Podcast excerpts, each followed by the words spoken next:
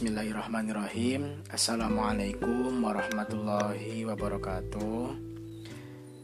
Anak-anakku kelas 7 yang insya Allah dirahmati Allah subhanahu wa ta'ala Mudah-mudahan Allah subhanahu wa ta'ala selalu memberikan kesehatan kepada kita semua Di mana pun kalian berada. Pada podcast kali ini Bapak melanjutkan materi kita mengenai Khulafaur Rasyidin Yaitu Bapak akan menceritakan kisah Sayyidina Utsman bin Affan khalifah ketiga dalam rangkaian empat Khulafaur Rasyidin.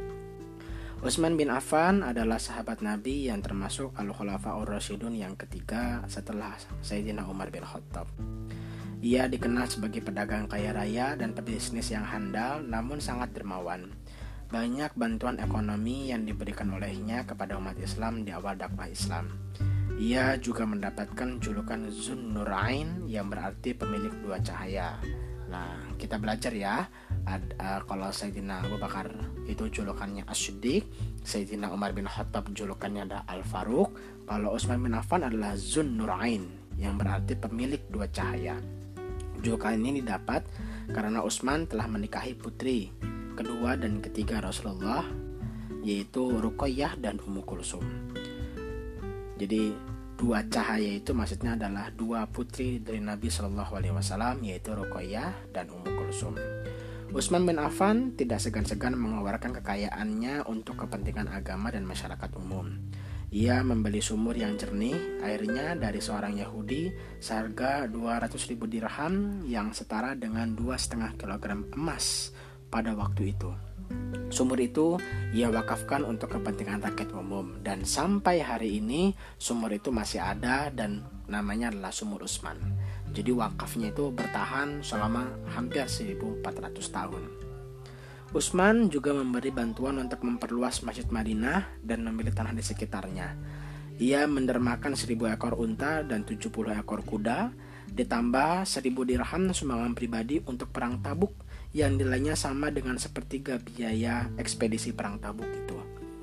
Pada masa pemerintahan Abu Bakar, Utsman juga pernah memberikan gandum yang diangkut dengan seribu unta untuk membantu kaum miskin yang menderita di musim kering.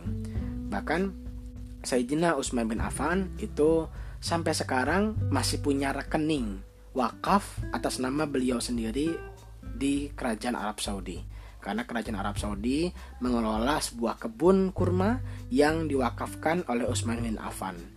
Jadi harta Utsman bin Affan sampai sekarang masih ada dan terus menerus berkembang karena itulah harta wakaf yang sumbernya selalu digunakan, kemudian eh, kebun kurmanya juga selalu digunakan. Jadi kita bisa belajar bagaimana kedermawanan Utsman bin Affan membantu Islam. Nah, dari sini kita bisa belajar kalau kita punya uang, kita punya harta, kita dermakan untuk kepentingan umat Islam. Kita sumbangkan ke masjid, kita berikan kepada fakir miskin dan orang-orang yang membutuhkannya.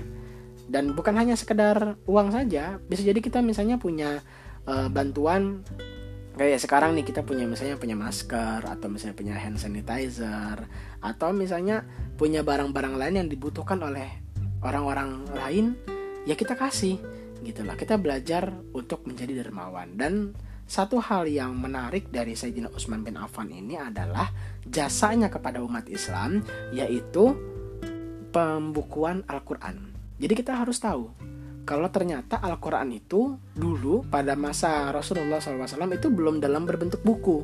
Tapi Rasulullah meminta kepada para sahabat untuk menulis ayat-ayat Al-Quran itu dengan media yang cukup sederhana pada saat itu. Belum belum menjadi satu buku ya. Jadi dalam media uh, pelepak kurma dalam media tulang kertas-kertas yang masih berserakan artinya belum menjadi buku yang dijilid.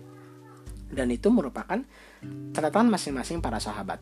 Sampai akhirnya Sayyidina Utsman bin Affan mengumpulkan semua catatan itu kemudian memverifikasi uh, dengan hafalan para sahabat sampai akhirnya terkumpullah Al-Quran itu menjadi satu buku yang utuh. Ya, bukan berarti uh, Al-Quran itu tadinya tercecar di mana-mana, tapi Al-Quran itu pada masa sebelum Utsman bin Affan menjadi khalifah itu uh, masih berada dalam ingatan para sahabat saja. Jadi semata-mata diingat saja tanpa ditulis.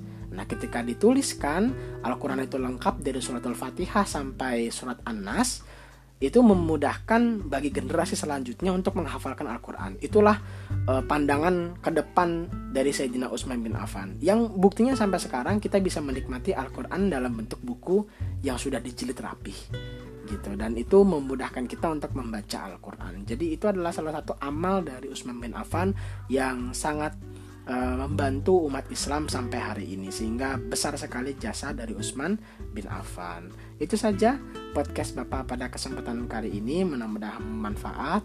Allahumma fiq Assalamualaikum warahmatullahi wabarakatuh.